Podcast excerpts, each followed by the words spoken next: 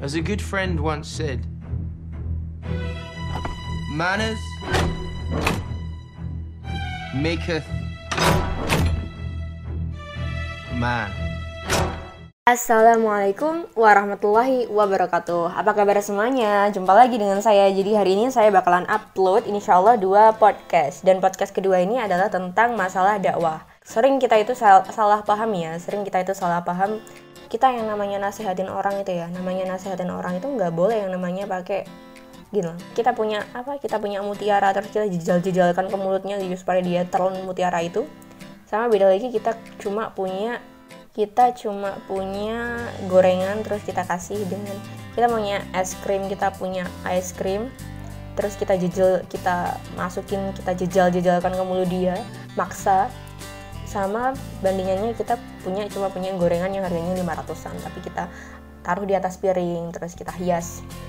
Pakai sausnya dibentuk bunga-bunga dibentuk apa gitu kan beda ya feelnya. Terkadang orang sekarang itu lebih melihat siapa yang menyampaikan bukan apa yang disampaikan dahulu. Jadi kalau misalnya kita ingin menasihati seseorang kita ingin berdakwah kepada seseorang kita kemas bahasa kita dulu. Kita rapikan apa sampul kita dulu. Yang namanya dakwah itu kan dengan cinta ya nggak bisa yang namanya dengan brutal. Terus kadang itu kita salah memahami apa itu namanya hadis yang sampaikan kebenaran sekalipun itu pahit. Jadi gini sebenarnya hadis itu asal mulanya katanya uh, asal mulanya adalah berasal dari ketika ada sahabat siapa sih? Ada yang seseorang ya lupa berkata kepada Rasulullah. Ya Rasulullah saya tahu barang ini saya beli barang ini saya tahu barang ini tuh barang palsu.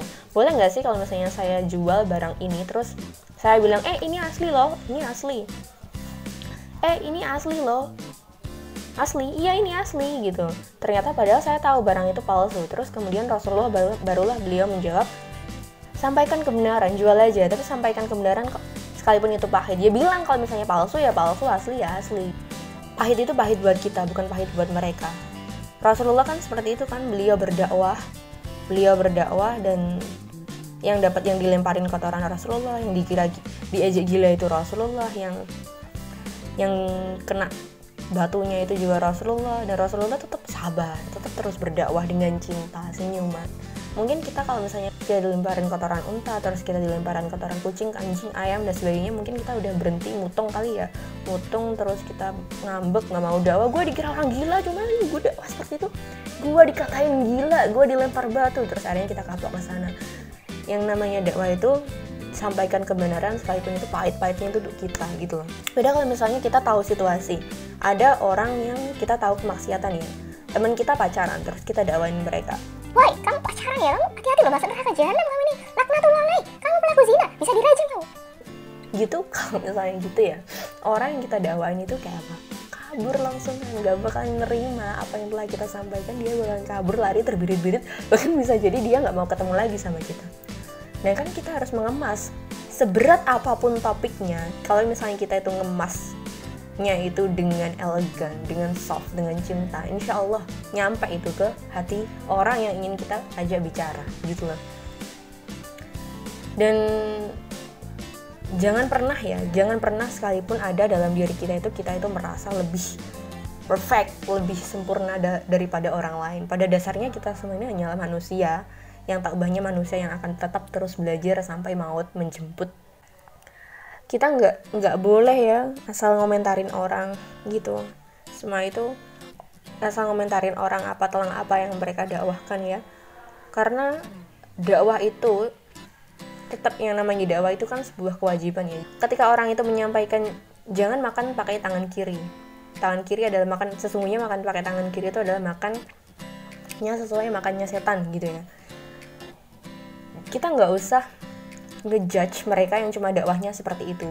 Karena mereka juga dakwah gitu loh. Mereka juga dakwah mereka menyampaikan apa yang sudah mereka tahu dari Islam ini gitu loh. Mereka menyampaikan apa yang sudah tahu dan mereka punya porsinya mereka masing-masing gitu loh. Jangan kita merasa lebih tinggi daripada mereka mentang-mentang kita tahu segalanya kita dakwah apa yang telah kita tahu tentang Islam kita dakwahkan kita share kepada orang lain kita share sebagai bentuk kebahagiaan kita bentuk rasa cinta kita kepada orang lain. Gak usah ngurusin orang lain yang dakwahnya cuma segitu. Biarlah mereka itu dakwahnya cuma segitu biarlah mereka dakwah sesuai dengan porsi mereka masing-masing. Kita dakwah apa yang kita tahu, apa yang kita sudah terima tentang maklumat Islam, pengetahuan tentang Islam, terus hukum-hukum Islam dan sebagainya kita dakwahkan, kita dakwahkan terus kita dakwahkan tanpa harus kita tuh menjudge orang lain gitu loh. Ketika orang lain punya cara mereka sendiri, please deh. Selama itu baik, selama itu benar, kita nggak usah komentarin mereka.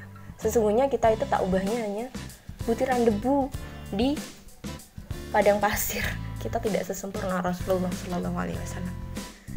Jadi gini ya, dakwah itu cinta. Iya, dakwah itu cinta, bukan dengan sembarangan berdakwah dengan dalih kitab yang penting amar ma'ruf nahi mungkar gitu ya, meskipun mereka pedih.